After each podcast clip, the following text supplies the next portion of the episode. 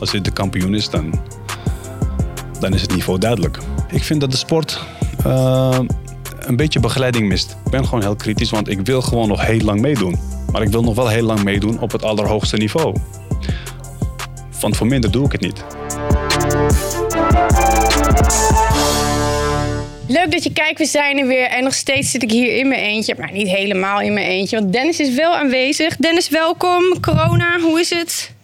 Ja, nog steeds helemaal uh, zielig alleen. En uh, ja, dit moet ook doen wat, wat, wat juist is. Thuis blijven als je je niet goed voelt. Als je corona hebt. Nou, ik ben positief getest. Ik zit daar en daar houden we ons aan. Maar het is nu wel extra jammer. Want ja, de man die we vandaag aan tafel hebben. Hij is de, volgens mij de most wanted van alle gewenste gasten. Als ik onze comments lees. Elke week wordt er om geschreeuwd, om hem gesmeekt. En ik ben heel blij dat hij er eindelijk is. Maar ja, nu zit ik op een afstandje mee te kijken. Maar we gaan er even goed gewoon een vette podcast van maken. Ik kan zeggen, welkom uh, Badr Hari. Dankjewel. Dit is uh, Vechtersbazen. Badr, fijn dat je wilde komen. Hoe is het allereerst met je? Je hebt corona gehad? Ja, gaat goed. Ik heb even een zware periode gehad. Ik ben heel ziek geweest. een paar weken herstel nodig gehad. En toen weer lichtelijk het trainen begonnen. Vervelend, er lag een wedstrijd in het schema. Die hebben we moeten verplaatsen natuurlijk. Dus uh, ja, vervelend voor mij, fans en uh, het team. Iedereen die zich inzet. Maar uh, het verrast ons. Dus ik denk zoals velen zijn verrast door het virus. En, maar ja, gelukkig goed hersteld. En nu weer aan het trainen. En ik voel me hartstikke goed. Ik zag een interview van jou uh, met Arie Boomsma ook, waarin je ook zei van ja, dit was zelfs zo erg. Je zat boven uh, in de kamer, je zag je kinderen tien dagen niet. Uh, je begon al na te denken over van heb ik alles wel goed geregeld. Dus je had wel echt zwaar te pakken. Ja, ik was, ik was heel goed ziek. Ik ben nog nooit zo ziek geweest in mijn leven. Ik heb echt heel veel pijn gehad aan mijn longen. ja, veel hoesten en wat ik zeg, was, ik was gewoon uitgeput. En niet eens kracht om naar de badkamer toe te lopen. Zeg. Dus ja, het was gewoon een hele, hele nare, een hele heftige ervaring. En uh, ja, het virus is er gewoon. En daar moeten we gewoon uh, mee leren omgaan en voorzichtig zijn. Dus uh, het is ook een virus wat heel veel vragen met zich meebrengt. En heel veel mensen die er dingen over denken. Maar nogmaals, wat ik zeg, ik heb het leven, levende leven meegemaakt. Het is hartstikke heftig. En er valt over heel veel te discussiëren over, over waar je het niet mee eens bent, maar dat het bestaat, nou, dat is wel duidelijk. En ik denk gewoon dat mensen daar echt wel goed rekening mee moeten houden. Ook op sportscholen, ook weet je, op werk. En dat je gewoon echt wel de maatregelen moet nemen die je moet nemen om jezelf te beschermen en de mensen om je heen. Want uh, zo ziek als dat ik was, ik, ik, ik, durf te zeggen dat iemand met een iets minder fitheidsgehalte dan ik, ja, dat is gewoon bizar. Ik kan begrijpen dat al mensen gewoon echt overlijden aan dit soort dingen. Dus wat ik kan zeggen is gewoon, uh, weet je, neem het serieus en uh, hopen dat we snel hier uitkomen en weer eh, kunnen genieten van ons eh, normale leven. Ja, waar ik heel benieuwd naar ben, uh, Badr. 2020 is natuurlijk sowieso een hele grote mindfuck voor iedereen. Met corona, met de lockdown, met alles is anders dan wat het normaal is. Ehm, kun je kort een beetje schetsen hoe afgelopen maanden voor jou zijn geweest in de voorbereiding deze wedstrijd in die moeilijke omstandigheden? Ja, ik heb gewoon keihard getraind. Ik heb gewoon keihard getraind. Ik heb gewoon. kijk, er zijn twee manieren om hier uit te komen, denk ik. Eén eh, is, uh, je geeft toe. Weet je, het virus is er en ja, en je gaat je volvreten. Je gaat uh, muren voor jezelf opbouwen. Je gaat beperkingen voor jezelf opleggen. Weet je, het kan niet. Het is snel om excuses te zoeken om dingen niet te doen. En voor mij was het gewoon duidelijk van oké, ik kom hier gewoon, weet je, als we weer mogen, dan zorg ik gewoon dat ik echt vooraan sta. Weet je, als er weer wordt, als de wedstrijden weer mogen of als we een manier vinden om weer te mogen vechten, dan wil ik gewoon een van de eerste zijn die gewoon ready is. En lichamelijk, geestelijk. Dus ik heb me gewoon echt gestort. Ik denk dat dat ook voor mij een soort van medicijn was. Om, om, om die tijd door te komen. Om, om, om juist deze fase en deze, deze, om dit jaar gewoon echt eh, goed door te komen. Dus uh, ja, ik heb er gewoon goed gebruik van gemaakt. Ik ben in vorm gebleven. En uh, ja, dat blijkt. Je loopt toch wel voor op velen die, die dat niet hebben gedaan. Ja. Hoe belangrijk is het voor jou, maar voor iedereen in, de sport, in de kickboxsport, dat we eigenlijk weer gaan beginnen? Nou, ik moet je eerlijk zeggen, ik denk ook eigenlijk dat we geen keus hadden. Kijk, het was natuurlijk een hele moeilijke tijd, zowel voor Glory als voor vele vechters natuurlijk. Veel mensen zijn afhankelijk van het inkomen van wat ze genereren natuurlijk als vechtsporter. En als dat opeens wegvalt, ja, dan begrijp ik dat je in een soort zwart gat terechtkomt. En ik denk natuurlijk als organisatie is het ook hartstikke moeilijk om, om, om te gaan organiseren op het moment uh, dat keer op keer een nieuwe maatregel tevoorschijn komt, of dat gemeentes en regeringen met nieuwe sancties komen waar je, waar je eigenlijk geen, geen antwoord op hebt. Uh, ja, tot op een gegeven moment, uh, ik, ja, ik vond echt toen het basketbal een beetje is gaan beginnen en het voetbal begon een beetje. En we zagen dat UFC het ook ontiegelijk goed heeft gedaan met het organiseren van evenementen. Werd het, werd het tijd om ook wij als Glory, als grootste kickboxorganisatie in de wereld, ja, dan moet je ook een antwoord hebben op, op, op dit allemaal. Dus uh, ja, we zijn gaan zitten, we zijn gaan brainstormen en uh, iedereen heeft hartstikke zijn best gedaan. Er is hard gewerkt achter de schermen. En ik weet dat sommige vechters, weet je, hebben het misschien niet mee kunnen maken, maar geloof me, er wordt hard gewerkt. En het eerste evenement staat op de planning. En volgens mij staat er al een 32 januari op de planning. Dus ja, ik vind uh, dat we het uiteindelijk goed hebben gedaan. En ik hoop gewoon dat iedereen in vorm is en iedereen zich klaar stond. Want ik hoop dat het einde een beetje in zicht is. En het is ook een wedstrijd. En uh, moet je ook winnen. Dus open naar 2021 en mooie evenementen. Ja. Hoe, hoe, kijk je daar straks naar uit, naar, die, naar die 19 december? Want je vorige wedstrijd zat je in een stadion met 30.000 mensen. Grootste kickbox-evenement ooit in Nederland. Ongelooflijk pandemonium, qua sfeer en alles. Dan sta je straks 19 december zonder publiek, zonder de Badder Army. Hoe Je die twee dingen tegen elkaar weg? Ja, het blijft natuurlijk een hele bijzondere ervaring. Het is niet iets. Uh... het is natuurlijk niet hoe je, hoe je het wil zien, maar het is zoals het is. Aan de andere kant, weet je, de, de meeste wedstrijden worden gewonnen onder het oog uh, dat niemand naar je kijkt. Weet je, we staan in de gym, we trainen, we zwoegen, we zweten. Er wordt zoveel werk geleverd. Dus dat gebeurt al uh, niet terwijl duizenden mensen naar je kijken dan moet ik je wel zeggen, het moment dat je opkomt en al die mensen staan op je te wachten, dat is natuurlijk wel het hele mooie van het gebeuren. Uh, maar ja, dat is deze keer niet. En ik uh, denk dat we moeten aanpassen. Weet je, ik denk dat de fans ook heel graag daar hadden willen zijn. Dus ik denk dat het een, uh, een two-way street is. Ik denk, ik denk dat hun het heel jammer vinden en wij ook. Maar ik merk ook heel erg dat de mensen echt zitten te wachten op evenementen. Mensen willen echt wat zien. Fans willen heel graag weer dingen zien. En als dit, de, als dit de manier is hoe we dat moeten gaan waarmaken, dan, dan is dit de manier. Dus uh, nogmaals, het is op dit moment even het nieuwe normaal, hoe ze het noemen.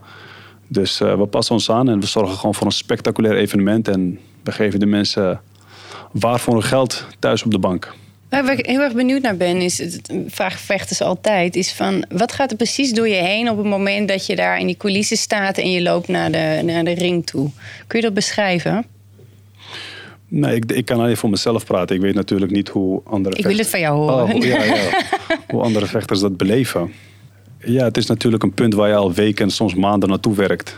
Uh, dus die spanning bouwt zich op.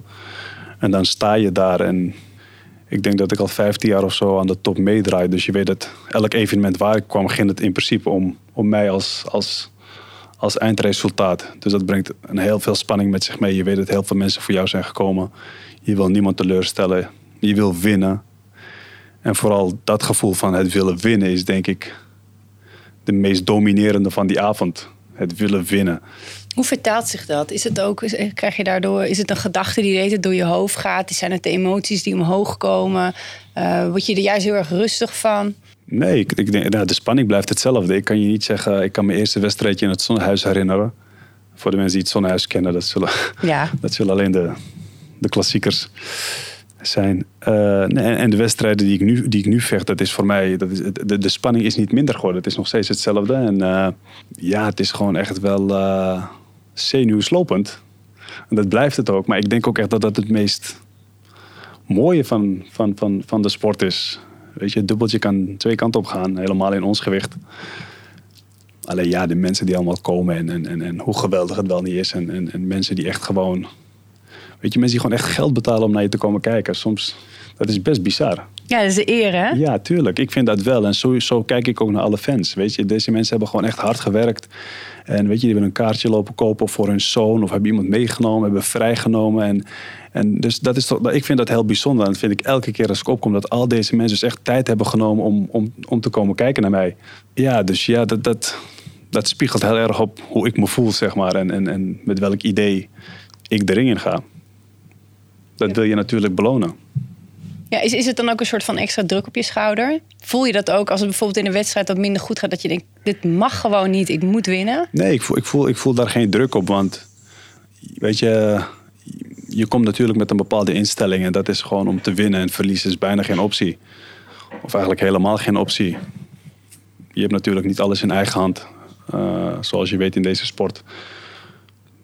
Maar ja, het publiek, het publiek komt voor, voor jou en die komt gewoon voor jou die alles komt geven. En dat is het mooie van, van loyale fans. Weet je, mensen begrijpen heel goed wanneer je alles hebt gegeven. Of wanneer het even niet gaat zoals je wil gaat. Of wanneer je gewoon geweldige partijen leeft. Het, het leeft heel erg met je mee. En, en, en dan moet je wel zeggen, ik heb wel hele aparte fans. Dus ja, dat ja, ja, Een eigen merchandise. Ja, ja nee, maar ik, heb, ik, ik kan zeggen dat ik van alle, van alle vechtsporters misschien wel de meest loyale heb. Hoe komt dat? Mm, ik, denk dat het meerdere, ik denk dat meerdere factoren een rol spelen. Uh, ik denk sowieso omdat ik al heel lang meedoe. Dus het is iets wat je jarenlang hebt opgebouwd. Het is niet iets wat met één of twee of drie goede wedstrijden is gekomen. Het zijn met je meegegroeid. Ja, tuurlijk. tuurlijk. En natuurlijk, ik denk ook dat ik uit een tijd kom natuurlijk... Uh, ja, toen, ja, als je naar me wil kijken, dan keek je op tv. Of je moest een ticket naar Japan boeken. Er was nog, ik kom niet uit het, uit het tijdperk dat je bekend werd op, op, op, op internet of op social media. Of, dus mensen moesten ook echt lijfelijk naar jou toe komen om je te zien. Dus mensen moesten echt in persoon uh, zich aan jou binden.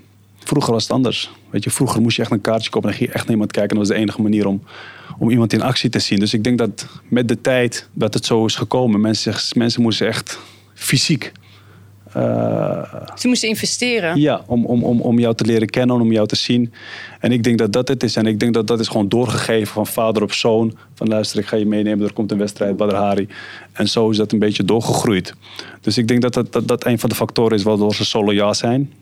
Ja, dan denk ik dat als je kijkt naar een heel grote groep van mijn banden, dat is natuurlijk van Marokkaanse afkomst. Nou, die hebben sowieso al dat eengezinsheid, het samen zijn, het samenhoren en het, het, het voor elkaar opkomen. En dus ik denk dat dat ook een hele belangrijke rol speelt. Dus ik denk dat het meerdere factoren zijn die ervoor hebben gezorgd. En ik heb gewoon gasten echt gewoon gruwelijk in elkaar geslagen. Dat kan ook wel een factor ja, zijn. Ja, dat is, weet je, dus mensen, mensen gingen gewoon met een goed gevoel naar huis. Ja, mensen zagen dat, ja shit, hebben het weer geflikt. Weet je, en... Uh, als ik vragen mag, eh, eh, ik wil eigenlijk eerst beginnen. Ik vind het heel leuk om van jou te horen van de overgang van Nederland naar Japan, kan je daar wat over vertellen? Hoe dat voor jou als jonge jongen was? Oh, dat ging best snel eigenlijk. Want ik, uh, ik kan me nog herinneren dat ik... Uh, ik vocht in de arena tegen Stefan Leko. Ik weet niet hoe dat is, hoe dat is terechtgekomen. Want Simon Ruts was toen uh, promotor van het Showtime. En ik, ik kon toen tegen Leko vechten. Ik weet niet of het een invalpartij was of dat het een geplande partij was. Weet het einde nog wel? ja, ik ook. Ik, ik, kreeg een, ik kreeg een lever, levertrap in mijn lichaam. Dat was de eerste keer. Dat was de eerste keer dat ik tegen... tegen oh. We gaan de overgang bespreken, hè? Ja, ja oké. Okay. Ja, dus, schokken, ja, nee, nee, nee. nee, nee, nee dus, gewoon eerst nee, gemist. Nee, dat dus, zie ja, dus ik kreeg een, le een levertrap van hem. En dat was volgens mij ergens in juni. Dat was in de arena. Volgens mij was dat 2003 of zo. En ik was heel brutaal in het begin, maar dat was gewoon wie ik was. Weet je, ik was een jonge jongen en ik was opkomend en ik was op zoek naar eigenlijk wie ik was.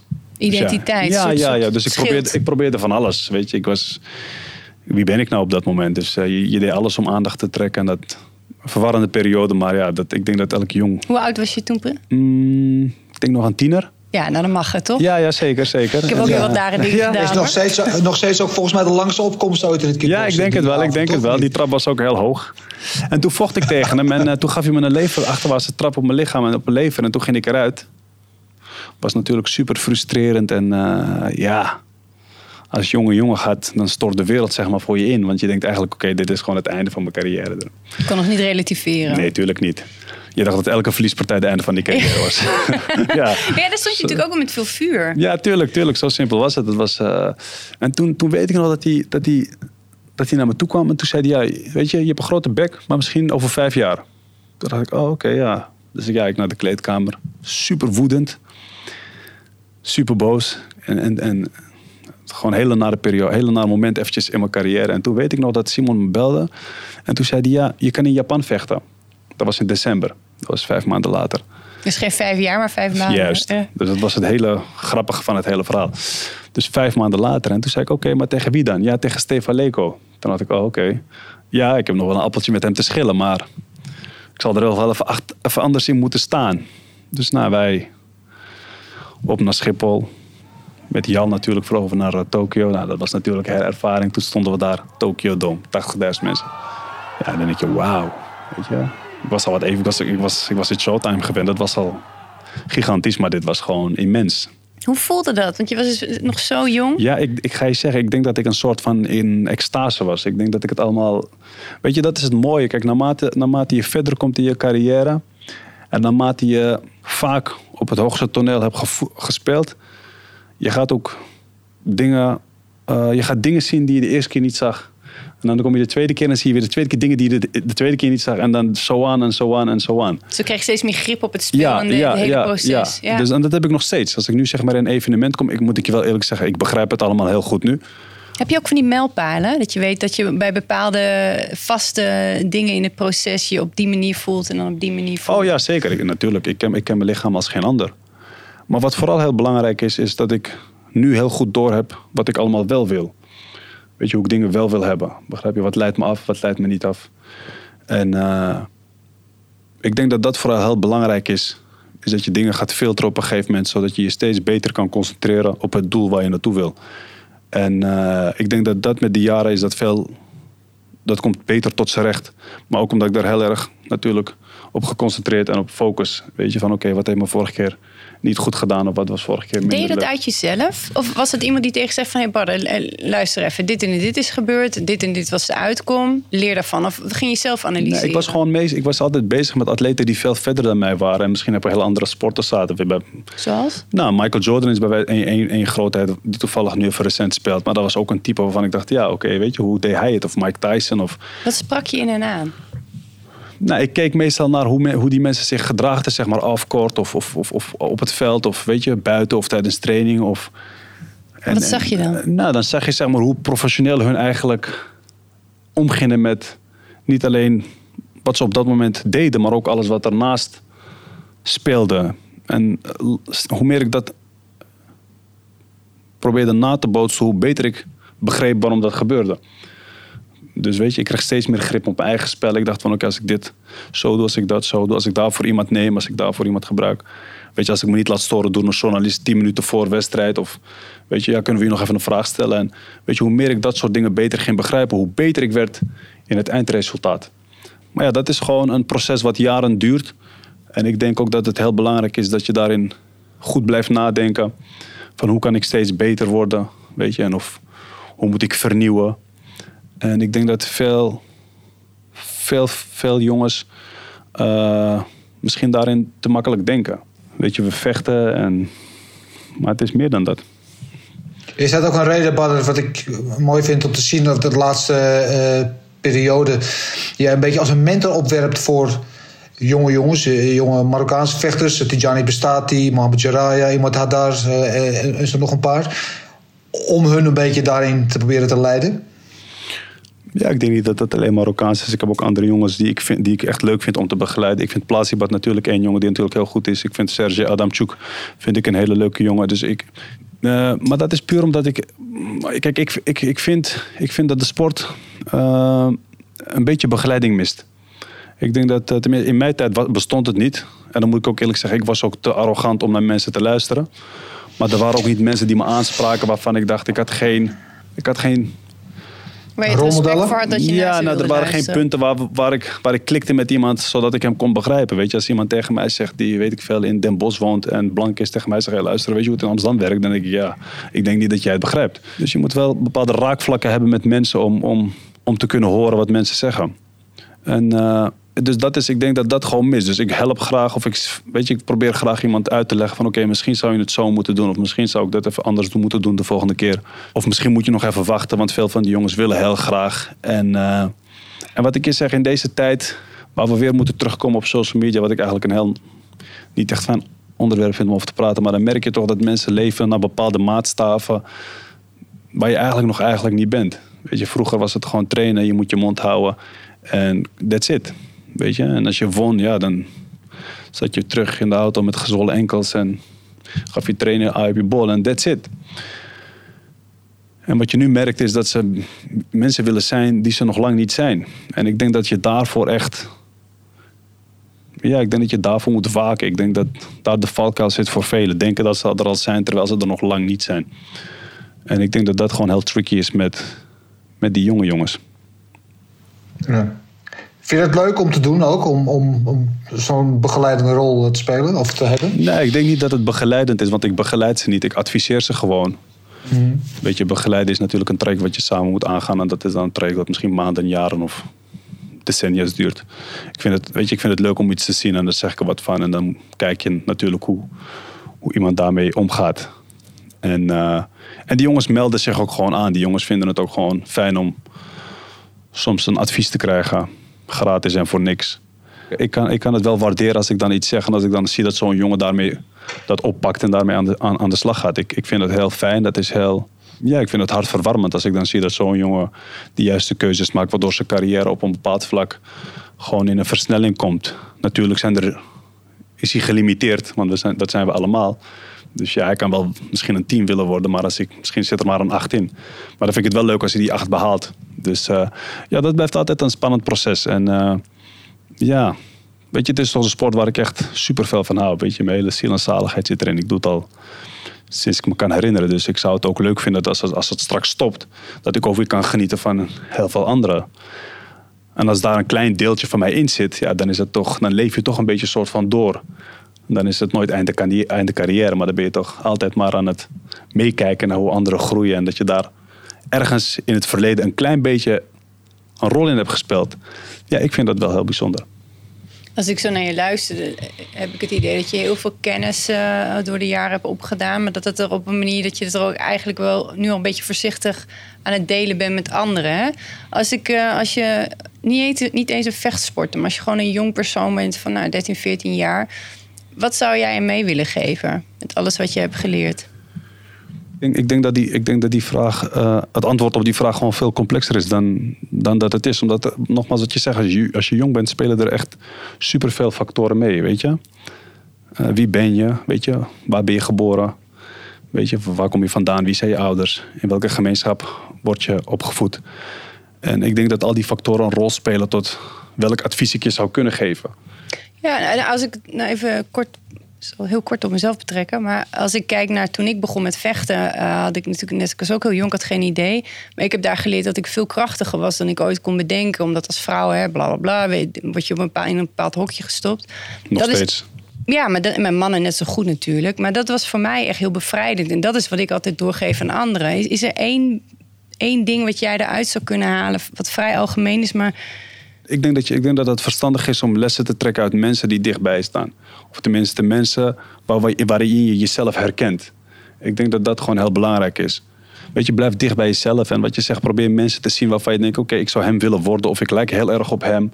Of ik heb hem in het verleden gezien. Ik vind iemand... Weet je, dat je raakvlakken hebt. En doe dan vooral de dingen niet die hij niet goed heeft gedaan. Dus ik denk, ik denk dat het belangrijk is. Blijf vooral dicht bij jezelf zoek mensen op die je vertrouwt en, en, en die het goed met je bedoelen. Mooi, heel mooi. Hey, wel eventjes terug naar uh, jouw coach en je goede vriend. En uh, steun en toeverlaten op veel vlakken, Mike. gelukkig weer in je hoek. stuk vorig jaar een grote opschudding geweest in de kickboxwereld. En wij dachten allemaal, wat? Badden gaat weg bij Mike. Uh, je bent er teruggekomen bij hem. Hoe is het nu tussen jullie? Hoe zou je de samenwerking omschrijven? Is het, is het veranderd ten opzichte van hoe het eerst was? Of? Nee, ik denk dat tussen, Mike, uh, tussen mij en Mike is, is, is het nooit anders geweest dan dat het nu is. Ik denk alleen als atleet en als trainer is het denk ik heel belangrijk om heel kritisch te blijven naar elkaar. Weet je, het is makkelijk als je heel lang met elkaar werkt om in een soort van vertrouwd momenten komen. Dat je gewoon denkt, oké, wat vandaag gisteren werkte, werkt vandaag ook. En, wat, weet je?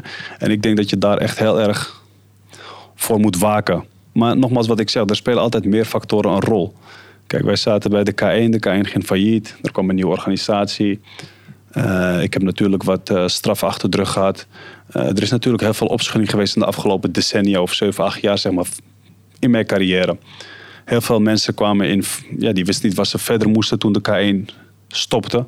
Sommige jongens hangden hun handschoen aan de wilgen. Maar ja, dat was voor mij niet mogelijk, want ik was, ik was een twintiger. Weet je, ik beukte die gasten toen ik, uh, toen ik begin twintig was. En toen ik aan je stopte, was ik half 5, 26 of zo. Dus. En de rest was al wat ouder. Dus die hadden een keuze gemaakt om niet verder te gaan. Maar die keuze had ik niet. En toen kwam, nou was er een hele tijd niks. Toen kwam Glory. Dus wat ik je er zijn heel veel dingen die hebben een rol gespeeld. Waardoor uh, de motivatie natuurlijk een stuk minder kan worden. Ik denk natuurlijk uh, als atleet wil je natuurlijk altijd op het hoogste podium staan. Maar dat moet wel,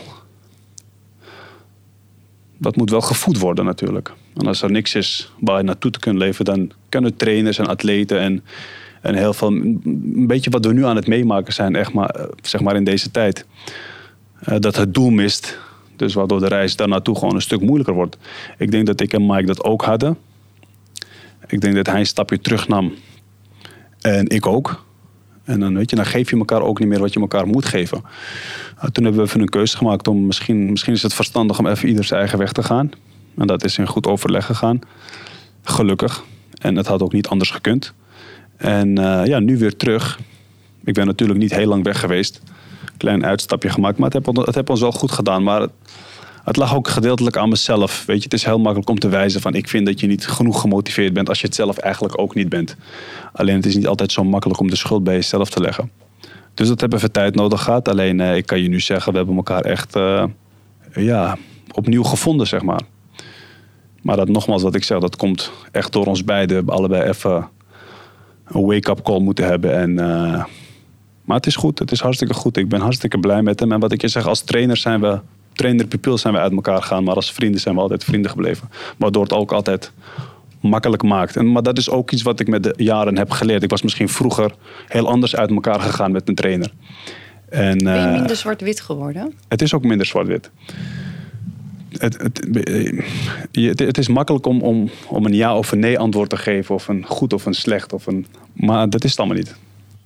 Die, die afstand, heeft dat ook voor een nieuw perspectief gezorgd? Want als ik naar jou luister, ben je iemand die altijd zich wil blijven ontwikkelen. En je hebt het over het, stagneerde. We deden allebei een stapje terug. En door dat perspectief, um, door het nieuwe perspectief, ging je anders naar de zaken kijken. En zag je weer groei. Is het zoiets? Uh, zo kan je het noemen. Ik denk, ik, vooral, vooral, vooral vernieuwen is heel belangrijk. Ik denk dat dat het juiste woord is. En soms hoef je niet heel veel te vernieuwen, want wat je doet is goed. Alleen wat je wel merkt, als je al 15 jaar mensen in elkaar slaat, is dat er nieuwe mensen komen die al tien jaar in, het, in de schaduw naar je hebben gekeken. Je hebt niet naar hun gekeken, maar ze hebben wel naar jou gekeken. En die zullen ook met antwoorden proberen te komen. En die zullen ook proberen uh, jou op een of andere manier uit te kunnen vogelen natuurlijk. En ik vind, en dat vind ik echt stellig, ik vind dat het een trainer taak is om daar goed voor uit te kijken. En ik vind ook dat dat Mike uh, zijn werk is. En uh, dat doet hij nu heel goed. Maar nogmaals, wat ik zeg, hij ziet ook hoe gemotiveerd ik ben. Uh, waardoor het ook makkelijker is voor een trainer om heel veel tijd en aandacht in iemand te besteden. Juist, die ook iets wil. Het is geven en nemen continu. Als ik naar het was eigenlijk een soort relatie, of niet? Oh, dat is het nog steeds. Gaat, ja, nee, maar snap je wat ik bedoel? Van, je gaat uit elkaar en dan merk je, kom je tot bezinning. En dan... Ja, maar, maar dat is het ook. Kijk, ik ken de man al 14 jaar. En we zijn de hele wereld met elkaar over geweest. Weet je, we hebben met elkaar op de bank geslapen. We hebben elkaar uh, hutje mutje geslapen. We hebben elkaar op elkaar schoot geslapen. Weet je, je maakt zoveel met elkaar mee. Dat weet je zelf ook. Je bent als atleet op heel veel plekken geweest. En dus dan weet je hoe, hoe close die relatie is als je een goede trainer hebt gevonden. En, uh, maar nogmaals, wat ik zeg, het is wel heel belangrijk, ondanks dat je zo lang met elkaar omgaat, dat je super kritisch naar elkaar blijft. Je moet elkaar altijd blijven toetsen. Van oké, waar staan we? Uh, gaat het goed? Kan het beter?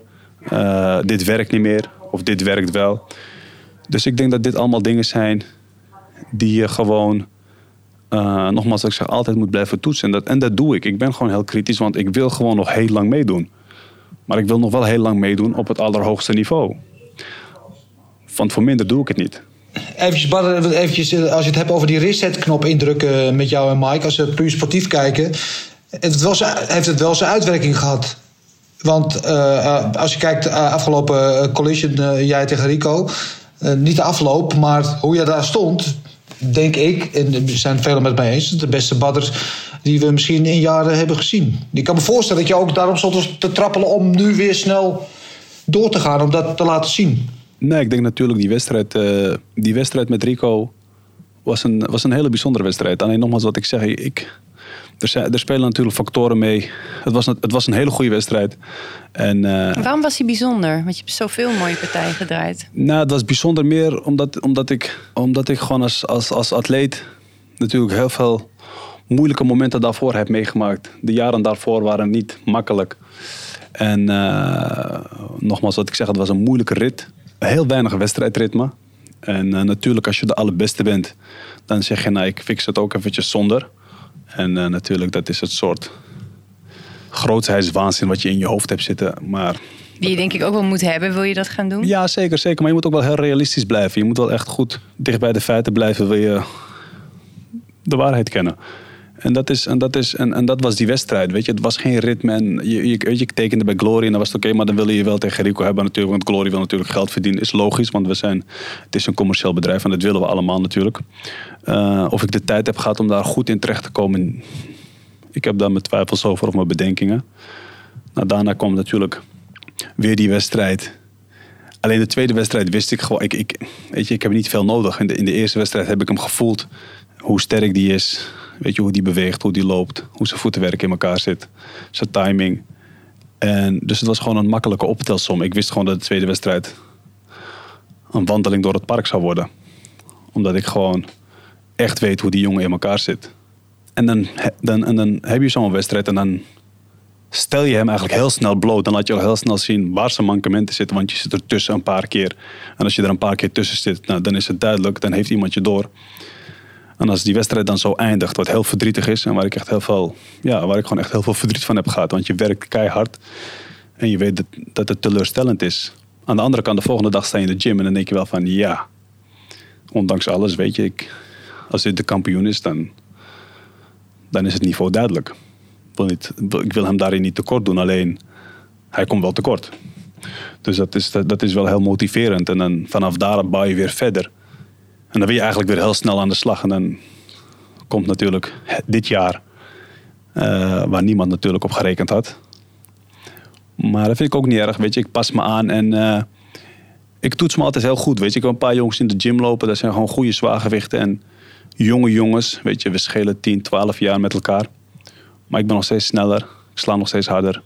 En ze zijn nog steeds kansloos. En dat zijn punten die ik steeds voor mezelf bekijk. En zolang dat goed gaat, uh, blijf ik gemotiveerd. Wil ik blijven leren en, en, wil ik blijven presteren. Dus uh, ja, na die wedstrijd was het voor mij wel dat ik dacht van oké, nu even gas erop. En uh, alles viel ook lekker samen. Ik zat in een rustige flow en alles was afgesloten. Dus dat maakt het ook makkelijker. En toen ben ik blijven slaan en blijven slaan en blijven slaan. Oké, nu moet ik gaan leren doseren misschien. Voor jou 19 december Benny Adekboei. Wat is hij van tegenstander? Wat verwacht je van wedstrijd? Ik ben niet echt onder de indruk van hem. Ik denk uh, dat hij heel beperkt is. Maar ik wil niet meedoen, ik wil domineren.